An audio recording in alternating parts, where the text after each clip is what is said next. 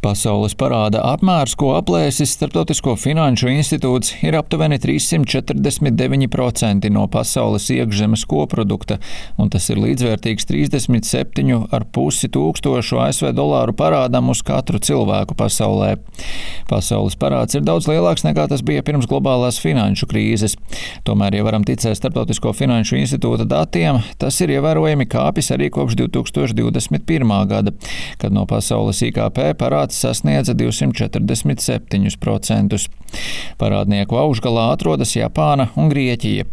Kā ziņojumā raksta ASV finanšu pakalpojumu uzņēmuma SNP Global Ratings eksperti Terijs Čants un Aleksandra Dimitrijeviča, arī pieprasījums pēc parādiem, lai palīdzētu patērētājiem ar inflāciju, atjaunotu infrastruktūru un risinātu klimata pārmaiņas, turpina pieaugt. Federālo fondu un Eiropas centrālās bankas likmes 2022. gadā palielinājās vidēji par 3% punktiem. Tas varētu nozīmēt, ka procentu izdevumi pieaugs par 3 triljoniem ASV dolāru. Čants un Dimitrijeviča norāda, ka procentu likmju kāpums un ekonomikas palēnināšanās padara parādu nastu smagāku. Tajā pašā laikā analītiķi atzīmē, ka kopš 2007. gada parāds ir kļuvis mazāk produktīvs. Tas nozīmē, ka vērtība, ko katrs papildu aizņemtais dolārs pievieno ekonomikai, ir samazinājusies. Arī ANO savā ziņojumā par 2023. gada ekonomiku kā vienu no problēmām min parādu slogu. Eksperti skaidro, ka stingrākie globālie finanšu nosacījumi kopā ar spēcīgu dolāru sāsināja fiskālo un parādu ievainojamību jaunatīstības valstīs. Turpina ANO ekonomikas un sociālo lietu departamenta pārstāvis Šantānu Muherjē. Laikā, kad valstis saskaras ar spiedienu īstermiņā samazināt publiskos izdevumus, tās riskē iespiest sevi, nepietiekami ieguldot cilvēku kapitālā, zaļajā enerģijā un digitālajā pārveidē vai pat klimata noturībā. Tas grauj šo valstu izaugsmes un parāda ilgspējīgu ilgtermiņā. Saskaņā ar ANO ziņojumu lēnāka izaugsme kopā ar paaugstinātu inflāciju un pieaugošo parādu ievainojamību draud vēl vairāk kavēt grūti sasniegtos sasniegumus ilgspējīgas attīstības jomā, padziļinot jau tā negatīvo pašreizējo krīžu ietekmi.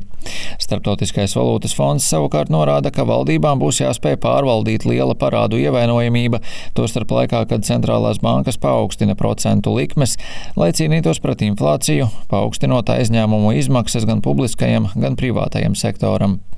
Arī Startautiskais valūtas fonds vērš uzmanību uz to, ka parādu grūtības īpaši satraucošas ir jaunatīstības valstīs ar zemiem ienākumiem, kur pandēmijas atstātās rētas ir sastopamas biežāk nekā citviet, un valsts parādu izplatība ievērojami palielinās. Starptautiskajām organizācijām, piemēram, Starptautiskajam valūtas fondam, ir jāpastiprina un jāuzlabo valsts parāda finansēšanas sistēma, lai jaunās tirgus ekonomikas varētu ātrāk izkļūt no parādu grūtībām. Tā uzskata Pakistānas bijušais centrālās bankas vadītājs Reza Bakirs.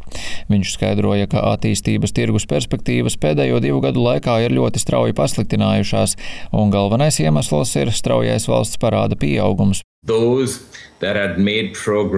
Tos, kuri jau agrāk ir panākuši progresu monetārās politikas spēcināšanā, lai mazinātu inflāciju, tos, kuriem ir labi panākumi mikroekonomikas politikas īstenošanā, investori atalgos, bet daudzi, kuriem ir lieli parādi un kuriem nav labas pieredzes makroekonomikas vadībā, viņi turpinās saskarties ar izaicinājumiem, jo finansējuma likmes pasaulē joprojām ir daudz augstākas nekā pirms pieciem gadiem.